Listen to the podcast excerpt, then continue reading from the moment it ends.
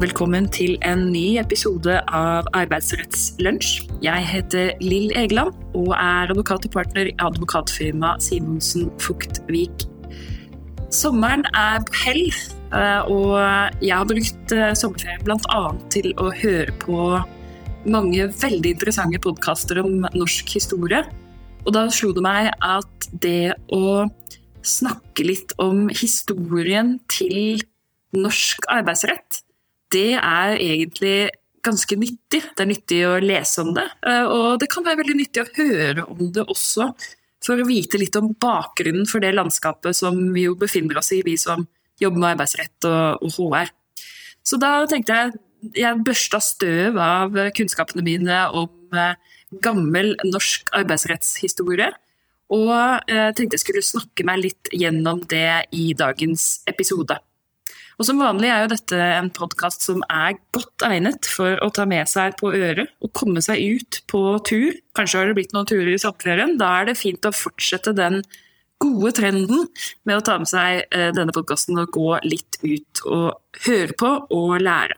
Så norsk historie og norsk bakgrunn for den arbeidsrettslige hverdagen vi befinner oss i i dag, den begynner jo egentlig helt tilbake på 1800-tallet. Hvis vi ser på det norske samfunn som sådan på 1800-tallet, på begynnelsen av 1800-tallet, så var jo det et eh, landbruks-, jordbrukssamfunn. Det var primærnæringene som rådet.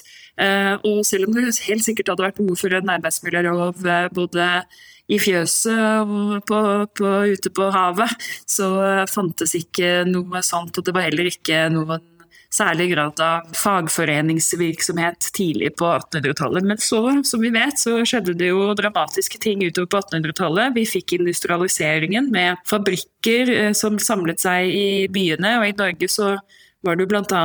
Kristiania som var et viktig sted for fabrikkvirksomhet langs Akerselva. Og etter hvert som fabrikkene vokste opp i byene, så søkte jo eh, landbrukets eh, sønner nummer to og tre som ikke fikk odel, de søkte jo til byen, så man fikk en urbanisering, og man fikk mange mennesker som jobbet på fabrikk. Um, og fram mot 1880-1890 så begynte etter hvert så smått en eh, fagforeningsvirksomhet i det veldig små. Den aller, aller første og kanskje mest kjente streiken vi så, den var det faktisk kvinner som sto for. Og det var den såkalte fyrstikkarbeiderstreiken som sted, fant sted i 1889 på Bryn og Grønvoll fyrstikkfabrikker. Og det er jo ganske Det fins en egen eh, TV-serie om dette her som jeg sterkt kan anbefale å se på hvis man er interessert. Det er bare å google 'fyrstikkarbeiderstreiken' og NRK, så, så kommer den opp. Men, men, i korte trekk så var jo dette en eh, to fabrikker hvor man produserte fyrstikker. Og det å produsere fyrstikker, det er jo ikke bare bare. Du har bl.a. hvitt fosfor, eh, og med dårlig ventilasjon inne på disse eh, fabrikkene, så var det mange som ble syke, fikk store skader, ble vansiret. Så det var jo slett ikke noe trygg jobb.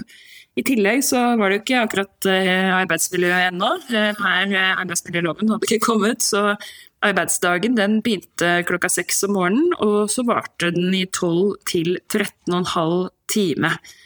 Eh, og lønna var ikke noe særlig, det var halvparten av det mannlige arbeidere fikk. Man eh, lå på mellom fem og sju timer i uka for, eh, for, med betaling, og man fikk betalt per pakke fyrstikk.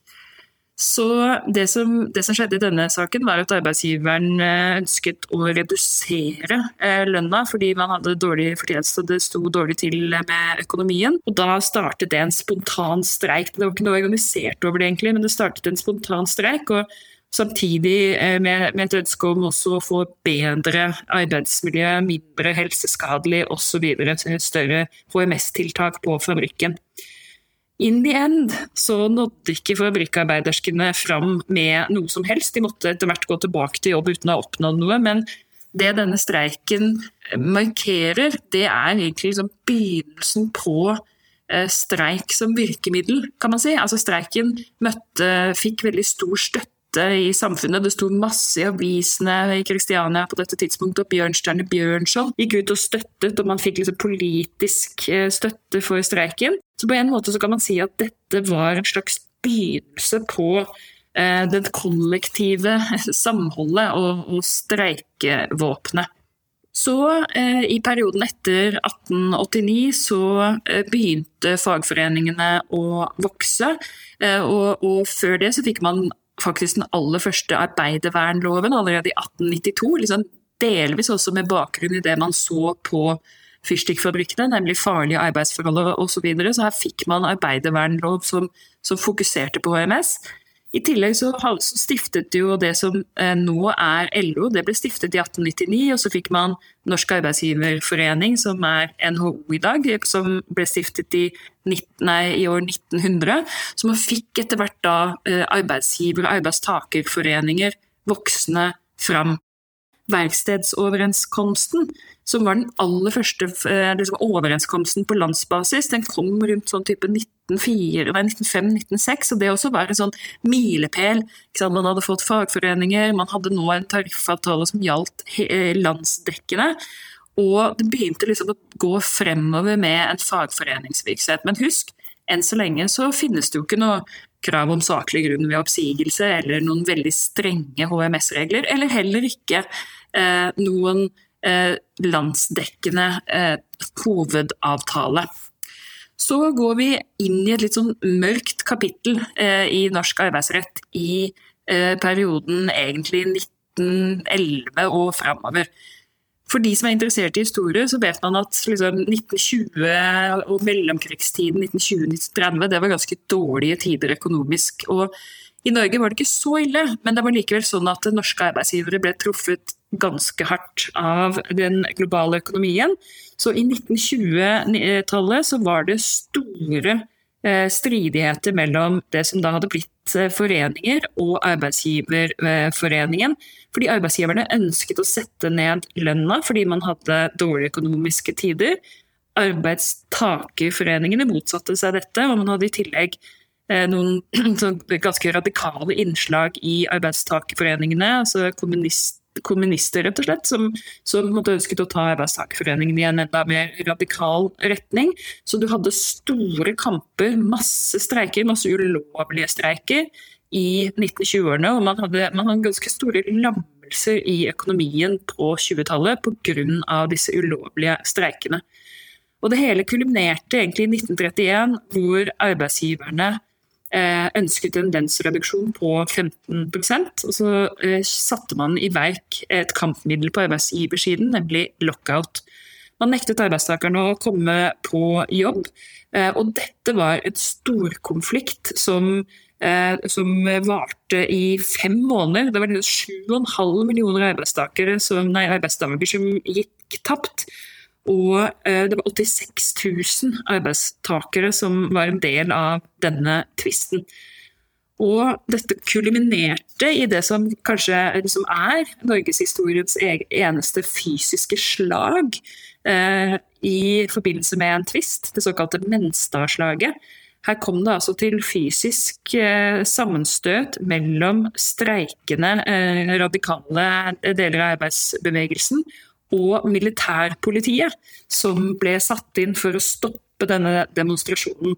Dette skjedde på Menstad, altså en, av kaiene som Norsk Hydro skipet eh, noen varer fra hvor Norsk Hydro hadde satt inn noen såkalte kontraktsarbeidere, altså som i realiteten ble ansett å være streikebrytere, og hvor det ble protestert mot denne praksisen.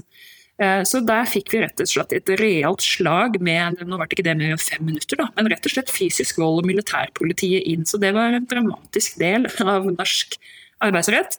Og det var på dette tidspunktet at egentlig både arbeidsgiver- og arbeidstakersiden skjønte at dette går jo ikke. Altså nå, nå, har vi hatt ulovlige aksjoner, vi har hatt radikaliseringen mellom 20-åre. Nå fikk vi en, en, en, aksjon som endte i vold og militære. Dette fungerer ikke, vi må sette oss ned og finne ut av dette sammen. Og det gjorde man. Og det resulterte i det vi i dag kjenner som hovedavtalen mellom LO og NHO, som ble inngått i 1935. Og det er ikke uten grunn at den avtalen kalles eh, eh arbeidslivets grunnlov. Den skapte en rom og et godt startpunkt for et godt samarbeid mellom eh, LO og NHO, mellom arbeidsgiverforening og arbeidstakerforening. Og i perioden etter 1935 så fikk man ro i arbeidslivet. Man fikk en økonomisk vekst som eh, er vesentlig bedre enn det i mange andre land. Og man fikk en utvikling som etter hvert eh, også kom inn i, til frontfagsoppgjøret og veldig ordnede forhold som den etter hvert norske modellen som kommer senere, men likevel som hovedavtalen er et, et, et godt basis for, som, som hovedavtalen da var startpunktet for. Så når jeg satt og hørte på disse podkastene om norsk eh, historie, eh, så ble jeg altså slått av hvordan hovedavtalen faktisk danner dette fantastiske utgangspunktet som gjør at vi i dag sitter i Norge og har et arbeidsliv som er særdeles velfungerende. Så det var en, en gjenoppfriskning for meg av en viktig del av norsk historie, en viktig del av norsk eh, arbeidsrettslig historie, som jeg tenkte at vi eh, kunne ha godt av å huske på alle sammen.